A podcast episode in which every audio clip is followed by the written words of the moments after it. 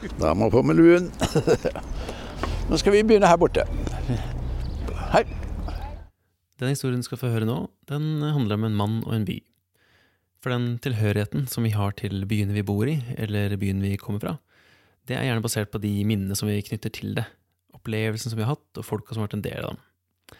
Men du vet den følelsen når du går forbi en leilighet du har bodd i, eller bare en helt tilfeldig gate, og så plutselig så kommer du på en eller annen opplevelse som du har hatt nøyaktig på det stedet. Det kan ha vært en benk du har sittet på og hatt en vanskelig samtale, eller det kan være en spesifikk strekke med asfalt hvor kompisen din stupte kråke i ganske bedugga tilstand. Du veit hvem det er. Men um, uansett så blir uh, områdene som vi befinner oss i, de blir beholdere for minnene vi har, både på godt og vondt. Og det samme gjelder jo for alle andre, både dem som lever rundt oss, men også de som levde her før. Og på den måten så kan vi male et slags bilde av det samfunnet som vi er en del av. For det som kanskje er en parkeringsplass nå til dags, kan ha vært en skøytebane før i tida, hvor eh, kanskje onkelen din vant en uforglemmelig tredjeplass i junior-NM. Eller kanskje du går forbi det stedet hvor eh, foreldrene dine møttes på en fest. Eller det som er en matbutikk i dag, kan ha vært gården hvor oldefaren din vokste opp. Alt det her kan si ganske mye om hvordan samfunnet så ut før, og hvor vi kommer fra. For alt rundt oss har jo sin egen historie, du må bare være litt nysgjerrig for å finne ut av det. Litt sånn som han karen her. Vel, da vil jeg få lov til å ønske dere hjertelig velkommen til Risør. Jeg heter Thomas og er gudskjelov fra Risør. Når vi nå har tatt eh, stilling her på dette kumlokket, så er dette her Risørs bokstavelig talt sentrum. Jon Thomas Akselsen er fullnavnet hans. Og der vi står en solskinnsdag på Sørlandet, så begynner han på en av mange historier i rollen som vekteren i Risør.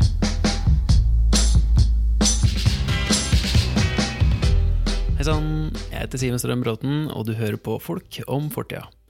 Det er podden hvor eldre folk forteller historier om stort og smått fra livet sine. Og eh, nå nærmer vi oss faktisk slutten av eh, sesong to, og det er bare to-tre episoder til for denne gang. Men først skal du få høre mer fra Jon Thomas, som er desidert en av de mest ivrige historiefortellerne jeg noensinne har møtt. Og det du hørte i stad, var fra en av byvandringene hans. Og eh, bare for å sette stemningen litt, så er det altså en 84 år gammel mann som er kledd i en rød uniform med gylne knapper, et svært belte med nøkkel hengende fra. Og på jakka er det noen ulike medaljer, og rundt halsen hans så henger en slags medaljong med byvåpenet til Risør. Han har på seg hvite hansker, et halstørkle, en svart lue og svarte støvler, og den dunkelyden du hører, det er staven han holder i handa. Denne rollen her er eh, ikke akkurat som en hvilken som helst vekter nå til som eh, patruljerer i kjøpesenter, sjekker at alt er bra og at døra er låst og sånne type ting. Dette er en litt annen type. Men eh, for å gi et innblikk i det her, så har jeg fått meg gatereporter Simen, rett fra Risørs gater. Og ja, hva er det du tenker, Simen? Hvordan ville du oppsummert Jon Thomas sin rolle som vekteren i Risør? Det vil egentlig si at han tar vare på lokalhistorikken der. Så han arrangerer sånn byvandringer og tusler rundt med folkegrupper og forteller dem om alt mulig rart som den byen her har å by på. Alt fra liksom, historier i plankene på huset her og blomstene som er i veikantene. Det er ufattelig mye spennende som man går forbi, som man ikke kjenner til hvis man ikke veit om det. Men han veit om alt, virker det som. Men nå skal jeg tusle ned til eh, der hvor han bor, så vi får se hvordan dette går.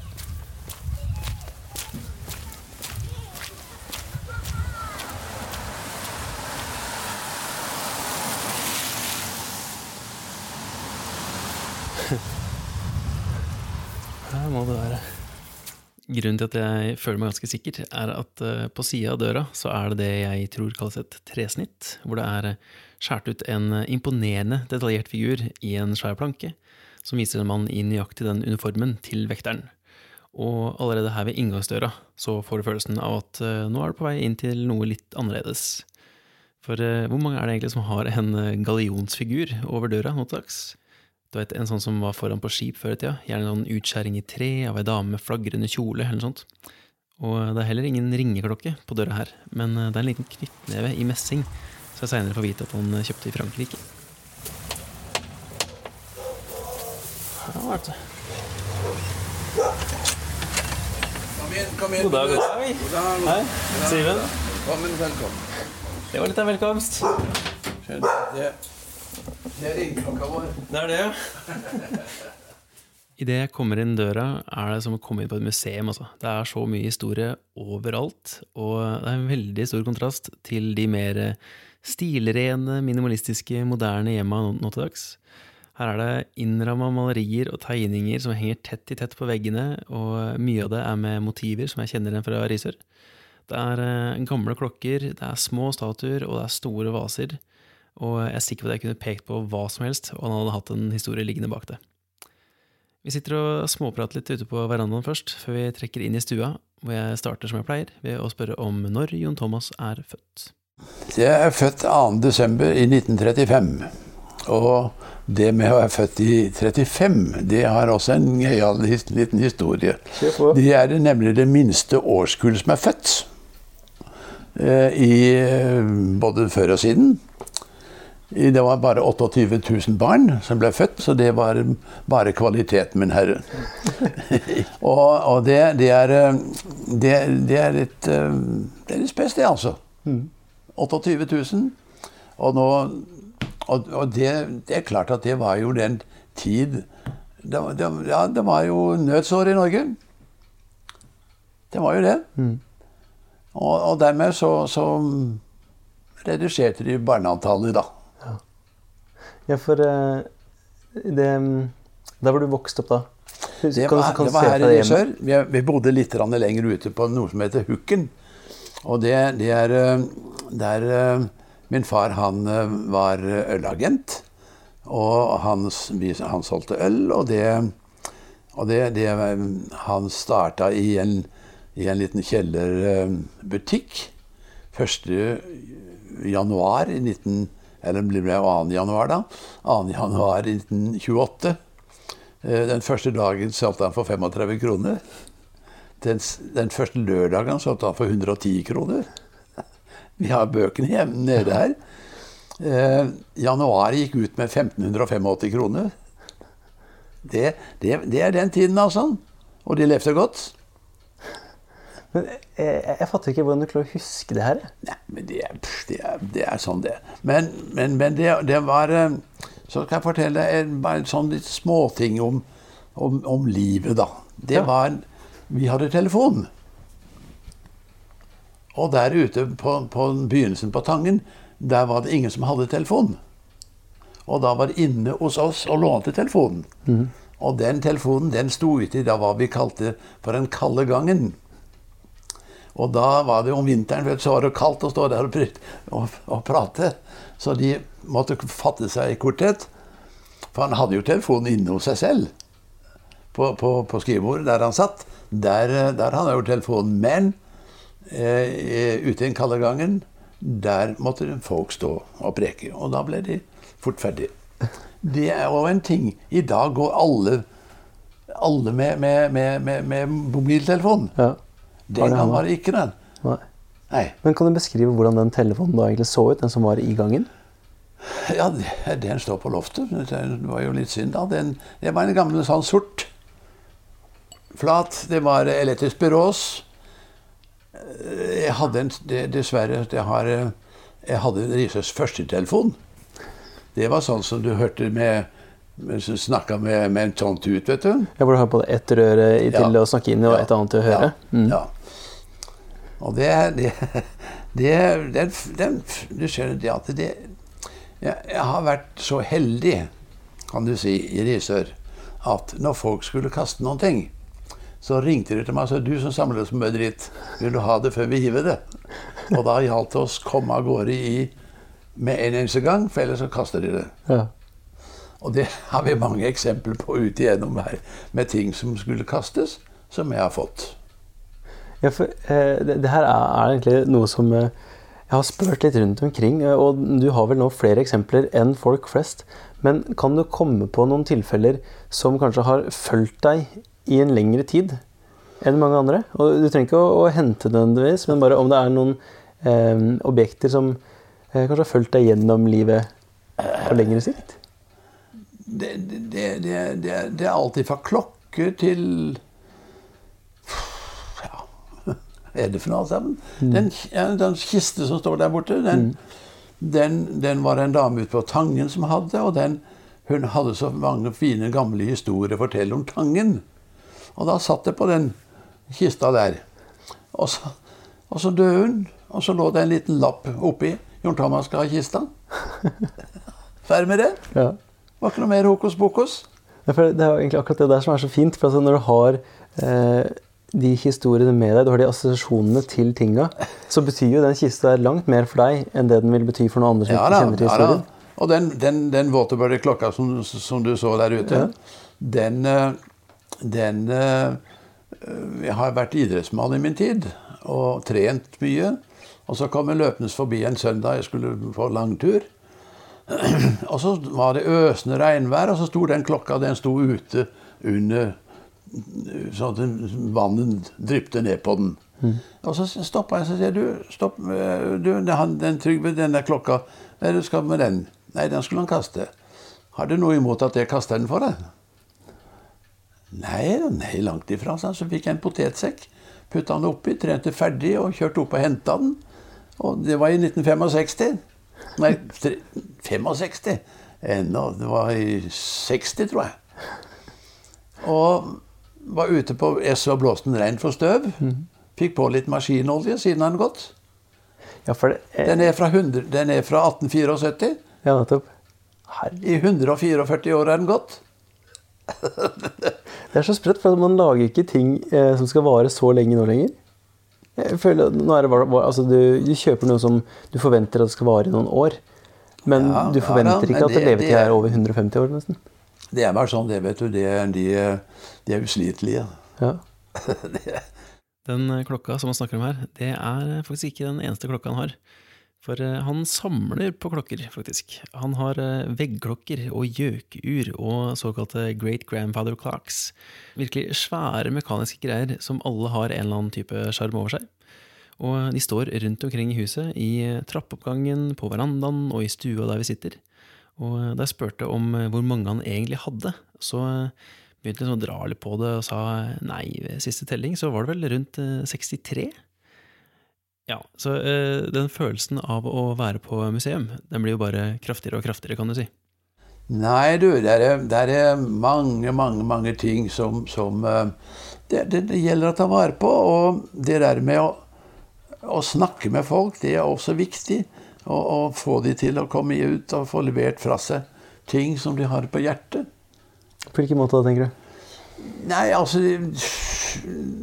Ja, alle de som kom hjem fra Amerika, f.eks. Som, som hadde ting å fortelle om som de hadde vært med på. Eh, Du må huske på at dere altså reiste av sted en 860 000 nordmenn av sted til Amerika. De solgte gårder og greier. De, er the promised land. Ta av sted. Hver femte nordmann reiste av sted til Amerika. Og da, da var det en, en, en mann en gang som, som jeg intervjuet. Og jeg har intervjua mange. Og, og da, da Så sier du hva var den første jobben du hadde? Jo da, han, eh, han hadde en onkel som jobba på, i Amerika da. Han jobba på en av de store bridgene som de bygde fra Manhattan over til, til Brooklyn. Og, og ja, hva var den første jobben du hadde da? Jo, det var å ro under broa for å catche opp de som ramla utfor. Du hører jeg bruker uttrykkene som, som de fortalte meg. De catcha, de plukka ikke opp, de catcha de. Det, det, det, som er det, det, det som er det fine med disse her som kommer hjem fra Amerika de, de, Vi hører bare om de som var, var heldige. Ja.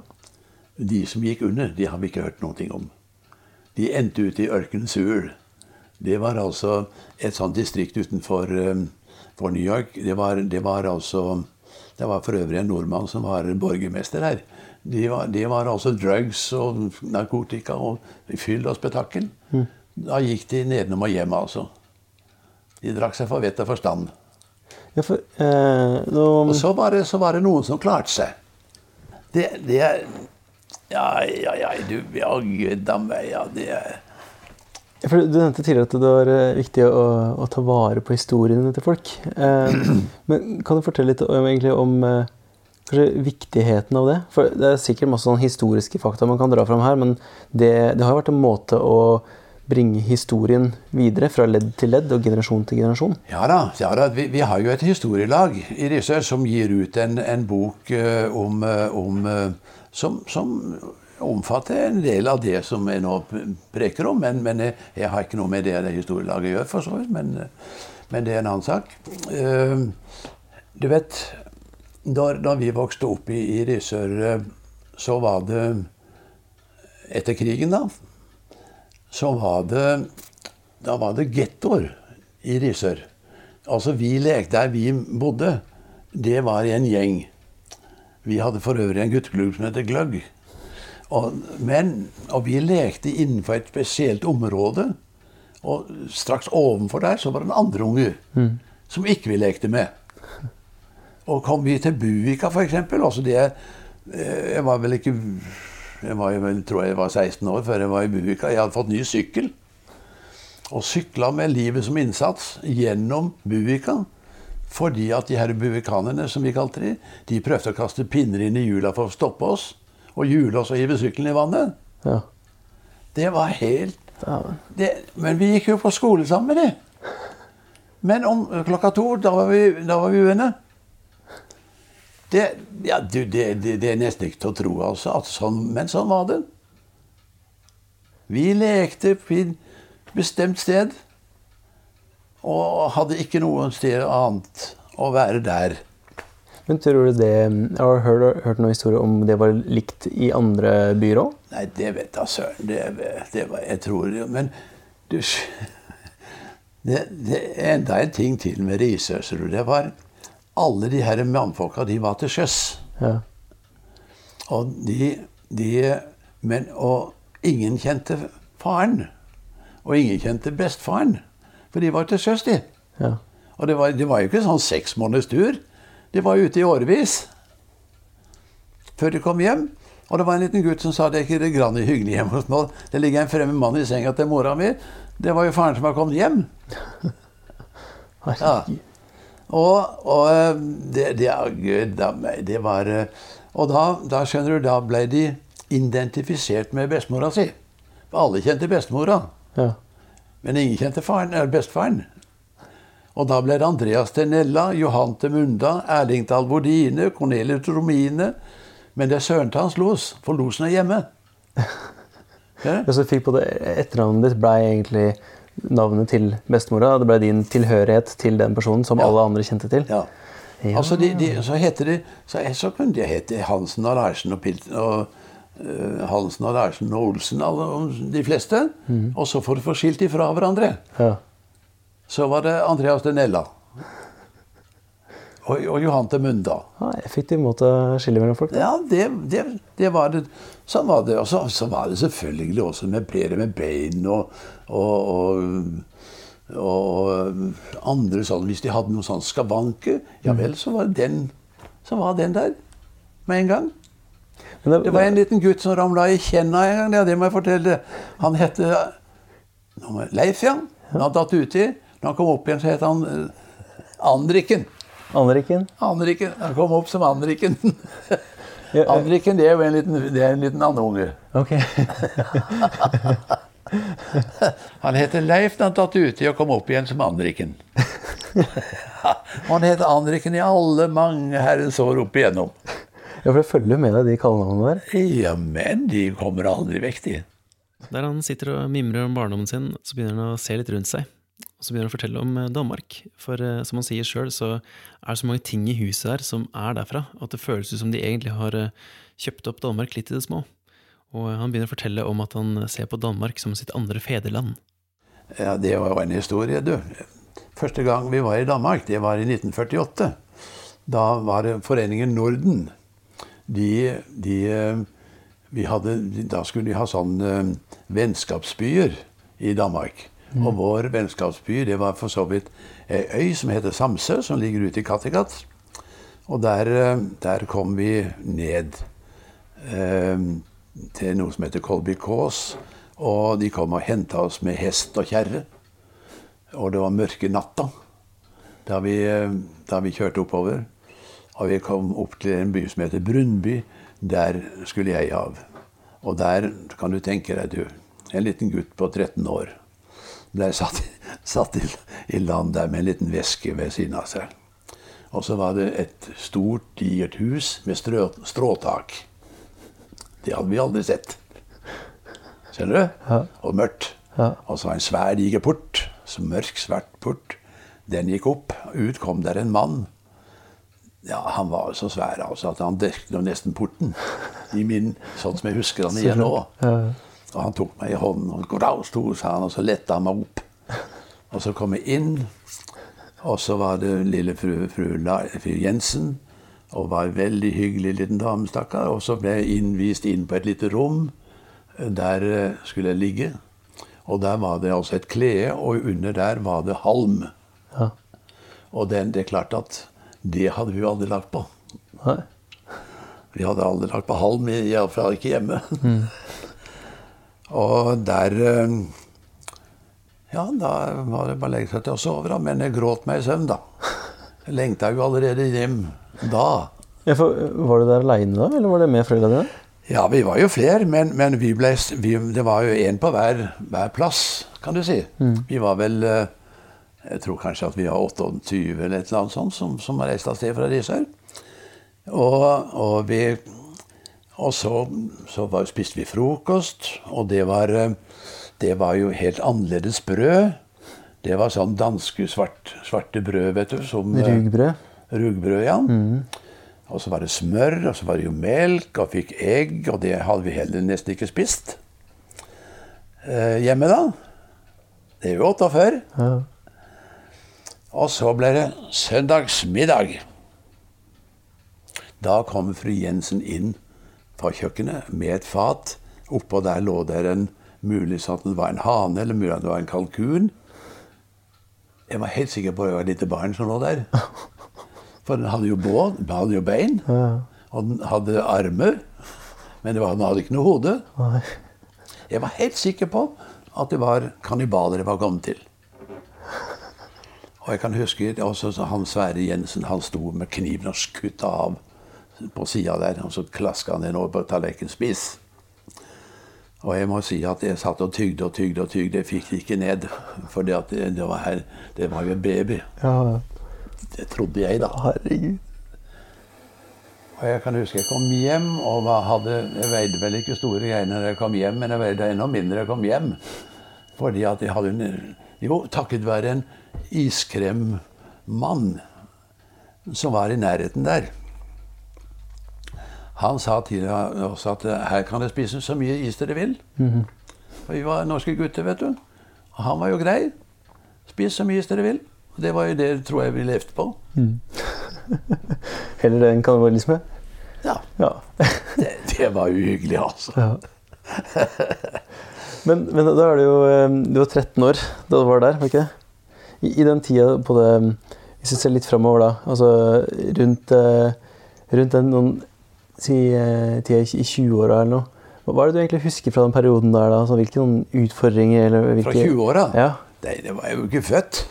Nei, nei, nei, ikke 1920-åra. I dine 20 år. Mine 20 år. Ja. Oi, ja, ja, for det første så var jeg, jeg har vært lykkelig og hatt et år i, i militæret i, i det høye nord. Det var, det var en opplevelse.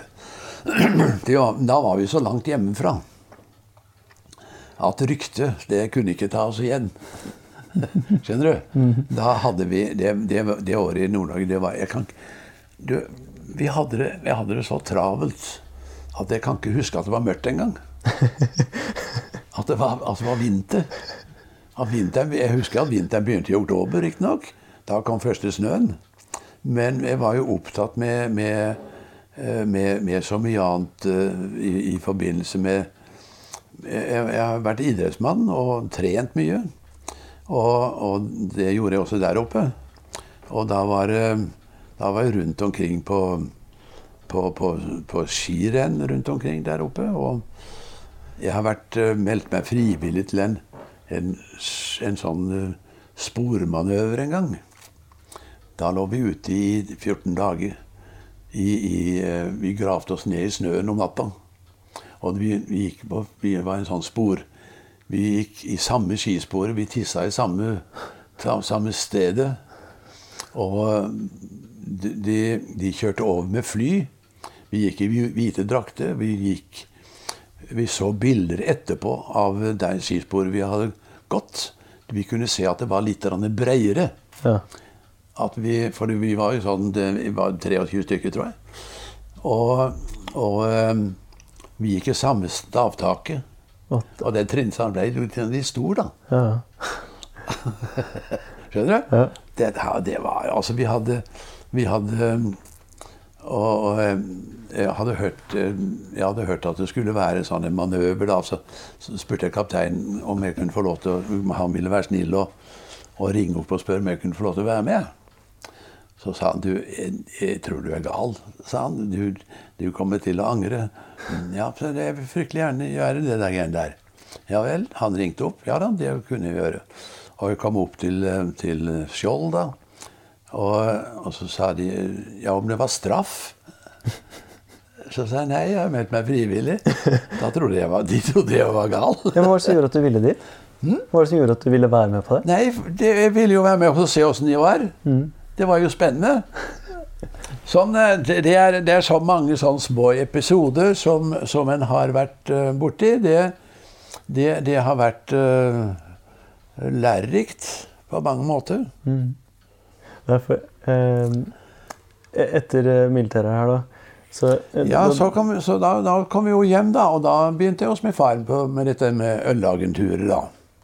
Og det, det har vært uh, det har vært veldig, veldig gøyalt. Altså. Du har kommet i kontakt med mange mennesker. Og, og det å selge øl, det var, jo, det var jo en gave fra Vår Herre, om jeg så skal si det. det. Men jeg hadde som sagt et godt prinsipp. Aldri øl om dagen, aldri vann om kvelden.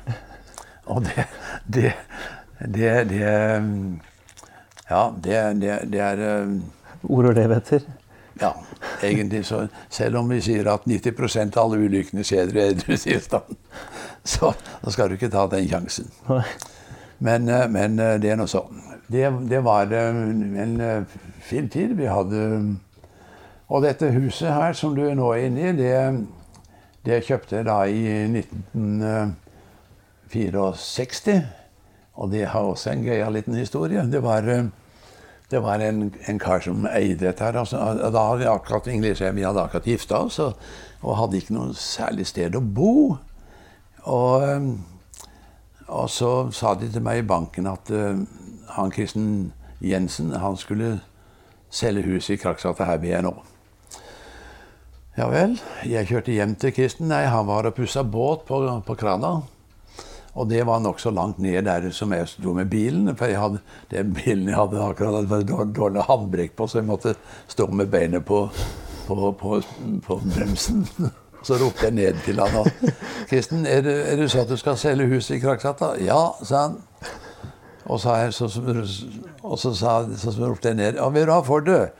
43 000. Det er altså 43 000. Ja. Fint, sa jeg. Det er i orden. Og så kom det Og hvem er det? ja, det er sønnen til Kornelius. Min far kjente alle. Eller alle kjente min far. Og, og Ja, det er i orden, sa han. Og så kjørte jeg ned i banken og så sa de ville være så snill å overføre 43 000 til Kristen Jensens konto. Jo da, det skulle han. Gjorde de. Og så, så sto banksjefen han sto på utsiden og røkte en sigarett når uh, Kristen kom syklende forbi. Ja. Og så sier, så sier banksjefen Jensen, vi har overført pengene for huset. Det er fint, sa han og kjørte bare videre. Og så kom han ut til min far om, om kvelden og sa du, hvis ikke han fikk tre hele pils på kjøpet, så måtte han kjøpe på gommi igjen. det, og det, det, og det, det gikk da. Så, men her vi sitter nå, her var det havet. Ja. Og så var det en som hadde Alle hadde utedo i gamle dager Ja. I, i Risør. Og det, det heter ikke utedo eller utedass, som det heter. Det her i Risør heter det unemlig hus. Hun er ikke på dass, hun er på et unevnelig hus. Det har mye kultur å gjøre. Ja, ja. Skjønner du? Det, men alle hadde det. Og det, det var malt i en annen farve. Altså, Risør den heter Den hvite by. ja, for det er jo veldig få unntak. Ja, ja. Da skal du høre, så, men hvis du går på baksiden av husene, så ser du de at de er gule og brå og, grønne. Det er en helt annen farve bak. Du kan se det rett over gata her. Så, så ser du de at det er på baksiden er det, er det eh, okerfarve. Ja. For det er en billigere farve. For det, det, det hvite det var dyr. Det var hjemført på Holland, fra Holland og Belgien. Det var den, den tiden statussymbolet. ja. Derfor var det hvitt og fint på forsiden. Og liggende panel skal det være. De er enn stående. Stående er vi på baksiden. Skjønner du? Ja. Det, ser dere igjen, det er liggende panel i front, ser dere, og stående på siden. Det ser du ikke. Og dere ville ikke ha sett det hvis ikke jeg hadde sagt det. Det våger en påstand. Ja, ja. Det, det er også en del av, av historien om denne lille byen. Du skjønner, den, det, Riese, den ligger helt ute ved kysten. Ute ved havet. Altså, hvis du, ja, Det er nesten forferdelig å kalle Skagerrak for havet. Men det er et skille mellom Danmark og Norge. Det er ikke mer enn 16 mil over. Norske mil. Det er, 8, det er riktig 78 nautiske mil. Og nautisk mil er 1800 meter og litt, litt til. Men, men eh, det, det, det er klart at den lå ytterst her- ute, og de hadde veldig forbindelse. Altså Riseflekken den er, den er offisiell i 1601. Det er altså Kristian 4. som sier at denne havnen er meget viktig for hollenderfarten. Da ble vi pålagt å holde den uh, Riseflekken hvit. Fordi at eh, de kunne da se den. Tolv mil av land renner Riseflekken i vann. Og da når de kom opp på kysten, så så de den. Og da seilte de etter den. Den ligger midt i gapet til Stangholmsgapet. Da kom de trygt og godt inn til Risør. Og det, det, da handla de med de. Og så reiste de tilbake igjen med eiketømmer og, og tømmer i det hele tatt. For å reise opp. De, de, de, torvet i Amsterdam, de, er, de sa de alltid at det var eiketømmer fra Risør. De hadde jo slått ned påle for påle, så de kunne få, få bygd dette. Det, du kan tenke deg sånn som det. Det er pålene. Og så bygde de oppå der. At du har, eh, tenker du at du har én og én påle Yes! ja, som fing- fingre på den, og så Ja. legger du oppå? De slo de ned, og så har de bygd oppå. Mm. Og det, det, det sa de at det var fra Risør. Det var opplest og vedtatt. Sånn var det. Om det er sant, det er jo noe helt annet. En god historie blir gjentatt mange ganger, så er det sant. En type som tok seg noen sånne kunstneriske friheter med sannheten, var en venn av faren til Jon Thomas, som heter Andreas. Ja da, Andreas Thoresen. Ja, det var gutten sin. Han eh, skal du ha en, for en fin historie. Han, Det var i hummerfiske. Og Da kom han inn til min far en gang. Så sier jeg min far til han nå, 'Andreas, fikk du mye hummer i dag?' 'I dag skal jeg si deg, Cornelius, i dag var det så mange de tegna at de satt på kalven og grain for de kunne komme inn'. Da er det mye hummer, da. Og så er det en annen gang så sa han, så sa han det, i dag, Cornelius, i dag det Teina var så tung at jeg kunne nesten ikke få den opp. Og når jeg fikk den opp, så var det en homme som satt på utsiden og holdt seg fast rundt teina. Den var så svær den kunne komme inn. Altså, Den var igjen så svær så han hadde kunne ikke få den ned i kummen. Så han satte den attrutt på halen. Og klørne som sto oppe. Og da hadde de spurt ut i Buvika du Andreas, hva var det for en guttunge du hadde med deg ut og fiska i går? Og dessuten, sa han, hvorfor rodde du med dorjestengene ute? Det var jo ikke dorjestengene, sa han, det var jo forlorna på hummeren. Da har du dimensjonene på det. De, Andreas han, han var romslig på sannheten. Han ljög ikke, sa min far, men var romslig på sannheten. Og det var det mange av de i, i, i Risør i, i hine hårde dager. De, de, de, eh, de hadde sans for, for, for livet. livet. Ai, ai, ai. Det var eh, i Risør Det er en eh, Det er en fin liten by. Det er eh, Der ligger mye tradisjon i husene rundt, rundt om. Hvert et hus har nesten sin lille historie. Mm, Der bodde den, og der bodde den. Det, det er øh, Ja. Det, altså Huset rett over gata her hos oss, der var det kraftverket som, som hadde som hadde stasjonen. Og den murbygningen du ser bak der, sånn, det, der, inni der var det altså transformatorstasjonen for Risør. Og, og, og, det, det var, og der kom ledninger inn til det, og så ble det transformert ned til høyspenten kom inn. Og så ble det lava til. Og det har altså min far. Eh, de fikk lys i, i, i huset sitt da, de, da, da, han var ganske liten. Eh, strømmen kom til Risør på um, 20, ja, litt før 20-tallet. 1916, tror jeg. Mm. Omtrent. Og det, det, Ja, da var han altså 17 år. Mm. Han er født i 82. 92. Nei, 98. Ja, for før det så er det jo en eh, Det er jo ja, stearinlys og parafinlamper. Ja, det var helt, helt annerledes. Ja. Helt annerledes. Du, det, det, Når du forteller unger i dag at sånn var det ja at vi, vi, gikk på ski der inne som ungene lek. Der inne som skolene ligger der, der var det en, noe som heter Kjempsteinen. Der, der lekte vi indianer og hvit inni der. I dag er det midt i sentrum. Et svært stadionanlegg inni der. Og det er masse med husene inn igjennom. Det, det, det, er jo, byen er jo så svær at jeg kom inn i, snart inn i Tvedestrand kommune og begynner å snakke en annen dialekt. Det, og vi bodde utpå her, her ute. Riise var en tange for seg selv. Og det hvis, nu, Vi hadde forbindelse med omverdenen to ganger daglig med, med kystbåten. Mm. Som kom tieren kom østenfra, tolveren kom vestenfra. Det var forbindelsen som de hadde. Mm. Og, og, veien Herregud, når du ser på veien ja, Du har kommet til Risør. Du kjører bil, bil, gjør du ikke det? Ja, altså jeg har jo kjørt bil for å komme til, til ja, Risør, men Da har du kjørt forbi oppe der. Hvis du er oppmerksom, så ser du noe av den gamle veien mm. som, som, gikk inn til Risør.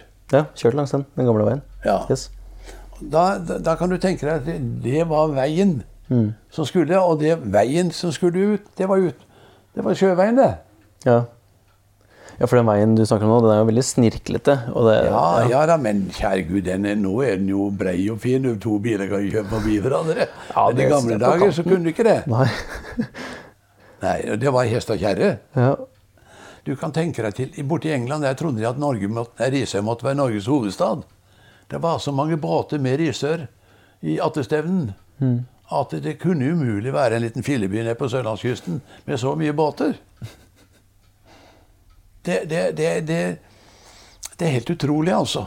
Åssen Og de hadde jo kontakter ute. De, de, altså de, var ute og så, og kom hjem igjen og bygde det de hadde sett. Vi har en trapp borte i Sykehusgata der.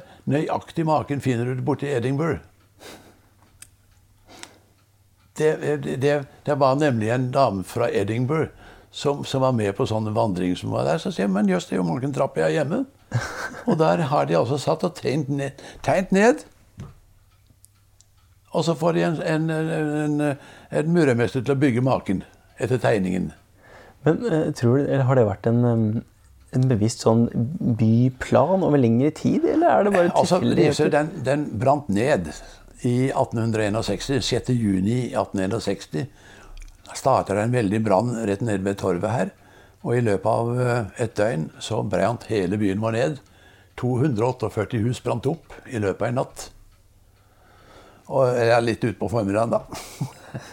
Den syvende. Og dermed så fikk de tak i en arkitekt som heter Birger Hjelm. Og han fikk i oppdrag å lage en ny reguleringsplan. I den reguleringsplanen er det tre vesentlige ting. Én, vi må ha bredere gater. Altså 12,5 alen breie gater, altså 12,5 meter. To, det skal ikke være over to etasjer. Og tre, det skal være halvvalma taker ut mot hjørnene. Hva var halvvalma? Halvvalma tak, ja det er altså det, det, du kan si, Her er det huset. Ja. Så blir det sånn, sånn halvhalma, som vi sier. Det da. stikker litt ut eh, på, på nedsida av Ja. taket? Og hvorfor det? Jo, i tilfelle en ny brann, så var det lettere å sette stien opp mot et halvvarma tak Ja. enn mot et spisstak. Så enkelt er det. Ja. Og så er det rundt havna, som du ser. Ja. Der er det store, fine huser. Det var der eh, aristokratiet, for å si det sånn, da. De fornemmer de bodde rundt der. Også på baksiden av der, der bodde alle arbeiderne. Alle de sjøfolka, størrmennene og bossmennene, de bodde bak. Det, det, er, det er nesten som den forbudte by bak der. og Det, men det er klart at det var, det, var jo der de fleste bodde, da. Og det bodde både to og tre familier i hvert hus. Såpass? I hvert hus? Ja. Ja. Ja, i, hvert fall, I hvert fall to familier. Ja, men det er jo eh, Ja, men det har de bygd på, da, vet du. Ja, ja. Har de bygd på. Det er ikke det, Jeg sier ofte at hvis du klarer å finne to hus med maken i Risør, så skal jeg bære deg hjem igjen. Men det er nede her i sentrum. Ja. Ikke vel? For oppe der oppe, oppe på Bindefjell, som de sier, det er sånn kataloghus. For det, de er bygd i en, i en masse. Ja. Det er jo forskjell på det. Ja, men jeg føler det som er egentlig veldig fint med, med den byen her, er at hvis du, spesielt hvis du sitter oppe på um, Risørflekken, og du kan både se ned, hvor du har på det utsiktspunktet, og du ser alle de husene som tilsynelatende virker ganske like, fordi Ja. alle er hvite.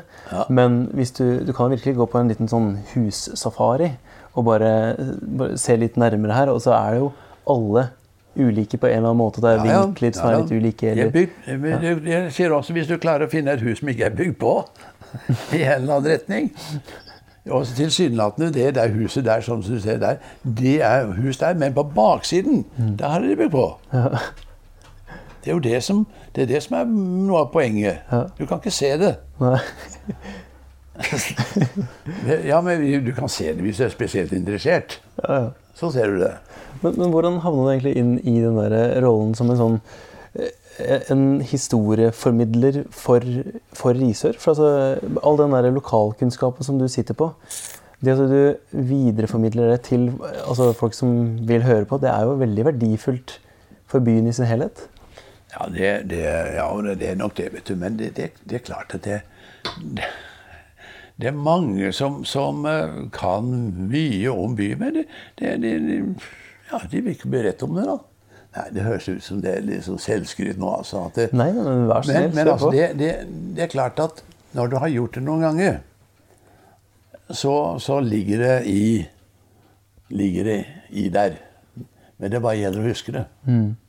Og det, og det, jeg, jeg tror nok ikke jeg forteller samme historien hele tida, for da blir det kjedelig også for meg.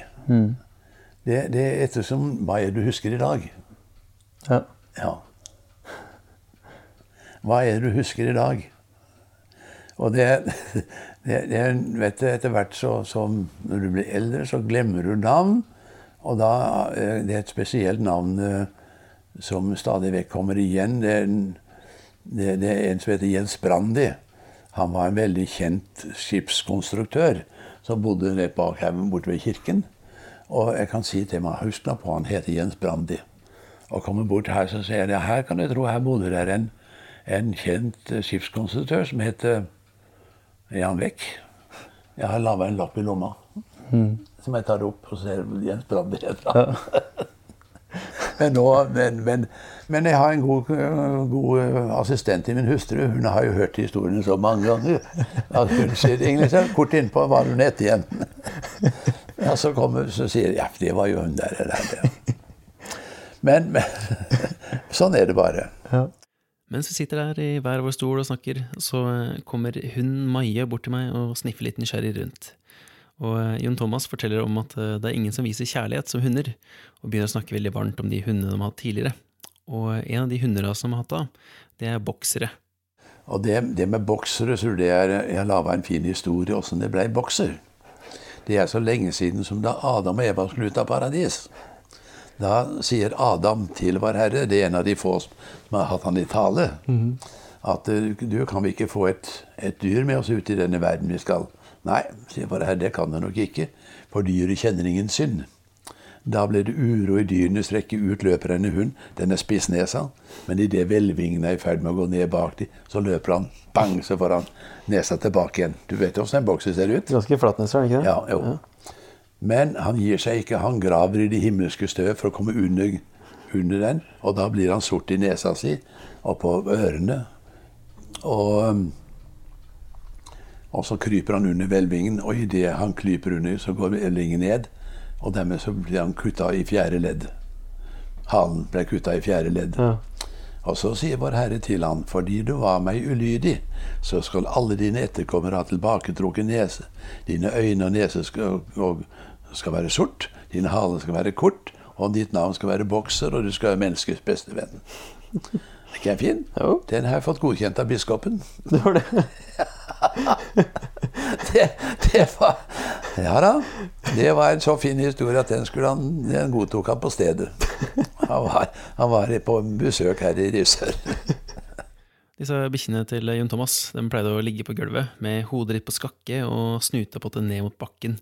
Og han fortalte meg om et bilde som er i kjerka i Risør, selveste alterbildet. Hvor du kan se en hund som ligger under bordet der på nøyaktig samme måte som hunden hans pleide å gjøre. Og det maleriet det er faktisk et motiv fra Nattverden av Peter Paul Rubens. Det er en kopi, riktignok, men eh, når du hører Nattverden, så tenker du kanskje på den gode, gamle klassikeren hvor Jesus og alle disiplene hans sitter ved langbordet, tett i tett, med Jesus i midten. Og det er altså Leonardo da Vinci sin måte å vise det siste måltidet på. Men det er ikke den, skjønner du, for Peter Paul Rubens malte også det her. Og da er det riktignok en litt annen formasjon på folka, så i stedet for at de sitter ved siden av hverandre, så er de mer klynga sammen i en slags eh, sirkel rundt Jesus. Og det bildet her, det henger den dag i dag i Milano, i et ganske så fasjonabelt nabolag som heter Brera. Og Jon Thomas fortalte meg om en gang han og kona hans, Inger Lise, tok turen dit for å se på originalen av maleriet som de har i kirka hjemme. Og rett ved siden av Brera-galleriet der var det som sagt en parkeringsplass, og vi fikk parkert. Og inn på det der, der og, og spurte i resepsjonen og hvor dette bildet av, av nadverden hang hen. Jo, det var i sal nummer tolv. Opp der, og der eh, hang dette bildet. Og da oppdaga jeg en hånd som peker ned på Judas. Og den hånden hadde jeg aldri lagt merke til her hjemme. For vi har en kopi av det. Det, er, det som vi har nede i kirken her nede, det er malt for en kirke nede i Riga. Ja. Men båten kom opp på kysten her hos oss og forliste. Og så var det en mann som het Han kjøpte vraket. Og inni det vraket, der lå dette alterbildet. Yes. Og det var i 18, nei, 1667. Og det ble da plassert i kirken vår. Det skulle ha vært i Riga. Og når jeg kom hjem, så parkerte bilen, henta nøkkelen til kirken. Klokka var tre om natta. Og låste meg inn i kirken. Og lommelykt med for å se om den hånden var der. Og den var der. Så kom politiet. De så det var lys i kirken. Og kom inn, og så sa de Jo, i himmelens navn, hva gjør du her i kjerka klokka tre om natta? Jeg, jeg måtte se om den hånden var der, for jeg hadde ikke lagt merke til den før. Ja, Gud, sa han, du kunne jo ha venta til i morgen tidlig. Ja, det er lett for deg, å si, for da hadde jeg ikke fått sove. Jeg var så spent på den han var der. Og den er der også. Og det, det, det er ganske fantastisk, altså. Det, det, ja da. Så sånn var det med den saken. Men eh, kan jeg spørre, altså, alle de, eh, de smådetaljene her som en gjør en opplevelse veldig mye rikere. Altså bare det å vite eh, at det maleriet, hvis man ser det i kirka, at det kommer fra forliset som var på vei til Riga. Det, den, den kunnskapen der den gir noe mer til den opplevelsen. På samme måte som når man går gatelangs her, og du eh, er på en av de byvandringene dine og forteller om at liksom, det, huset skal være basert på de tre prinsippene her. Alt det gir mer til den opplevelsen. Men eh, hvor har den historiefortellinga egentlig bare kommet naturlig til deg, eller er det her noe som Ja, du du har vet, når lært du, deg? når du er interessert, så, så kommer det. Og jo mer du går og ser, jo mer naturlig blir det. Ja. For du, du, du, kan, du kan bare gå ned ved gata og så ser du at det her er et sånt hus. Du, du tenker ikke noe mer på det. Mm. Ikke vel? Men, men altså, jeg må innrømme det at jeg, når vi er ute og reiser sånn, så jeg har ikke noe problem med å snakke med folk og spørre folk. Fordi at det, det, er, det faller naturlig. Og hvis ikke, de, hvis ikke de er interessert i det, så kan vi bare gå fra det. da. Så enkelt er det. Mm. det, det, er fader eller Nei, det er Det er eh, Oi, oi, oi, du. Vi var nede i Slesvig en gang for mange år siden. Og da, da var vi inne på en, eh, en, en sånt Ja, det var vel egentlig et spisested, ja. Men der hadde, i Slesvig har de sånn god ost. Sterk, nydelig ost. Hvor er det her egentlig? Det er, er jo i Tyskland. Ja, vi er i Tyskland. Okay. Og så, så, kunne jeg ikke riktig huske hva sterk ost heter på tysk, så, jeg rop, så sto det en dame ved siden av meg på min venstre side. Og så ropte jeg bort til. Inglise, hva er det tysk, er ost heter på tysk? Så sier denne damen at det heter sånn og slik, sier hun.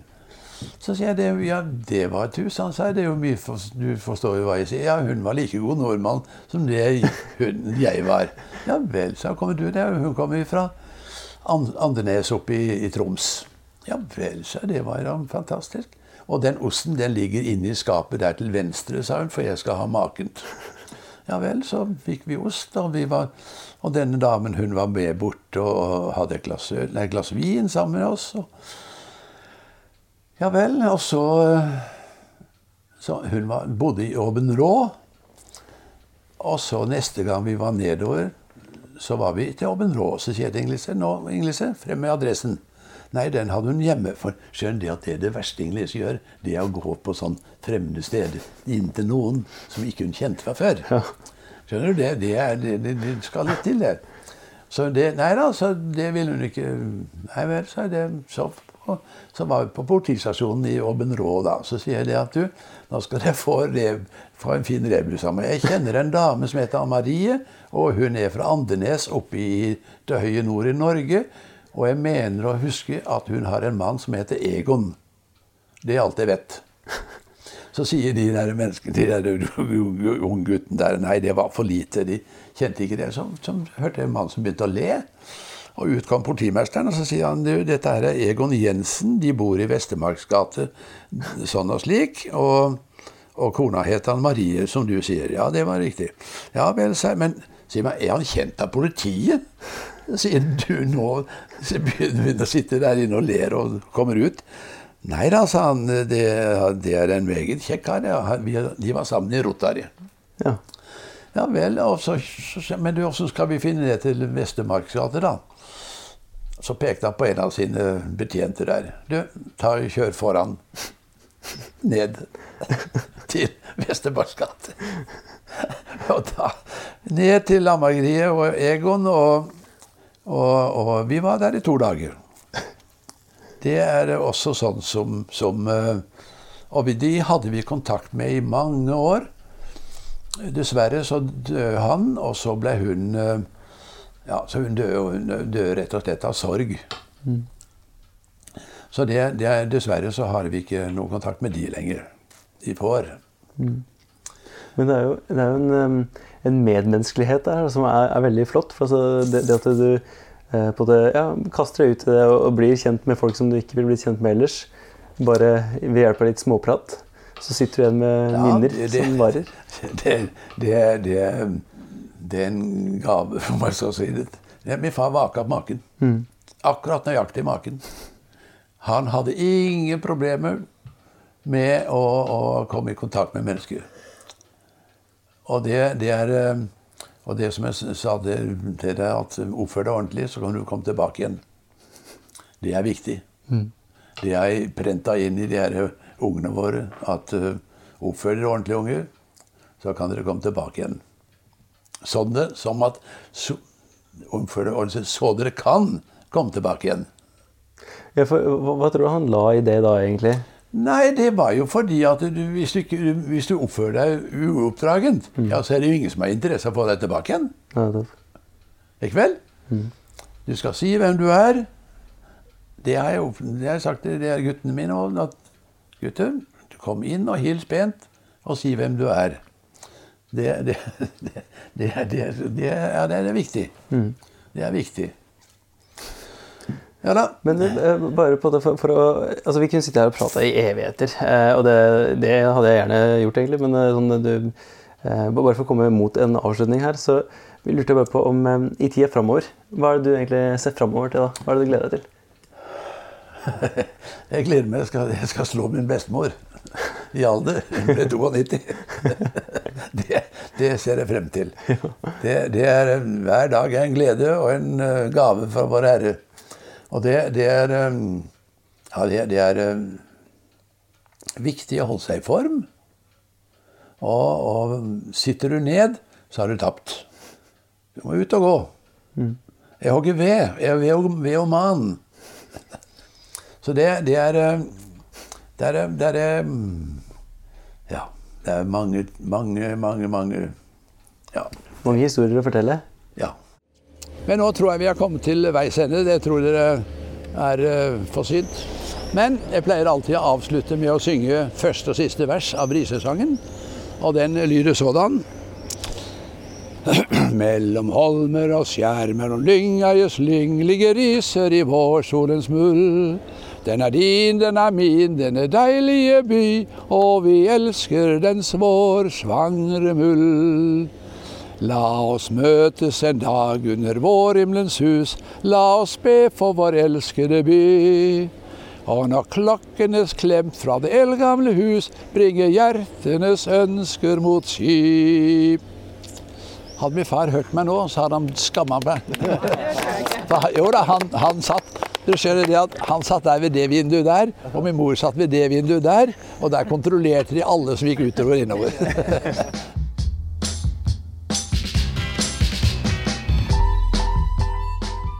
Folk om fortida er en podkast fra Hyggelaget, laga av meg, Simen Strøm Bråten. Hvis du ikke har gjort det allerede, så kan du hoppe over til Instagram og følge Folk om fortida der. Da får du se noen bilder av alle folka jeg har snakka med, og et par smakebiter fra hver eneste episode. Neste episode kommer om to uker, og enn så lenge vil jeg bare si tusen takk for at du hørte på, og så håper jeg du får en flott dag videre.